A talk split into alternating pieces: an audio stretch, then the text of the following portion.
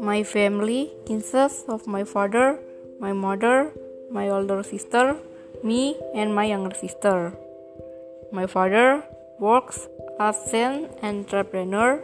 My mother is a housewife. Then my older sister, me, and my younger sister are students. As a family, we always help each other. As children, the three of us help our parents, like cleaning the house. Our parents also often help us with difficult tasks. As sisters, the three of us also help each other. So the difficult work is overcome and of course makes family relationships harmonious. I love my family.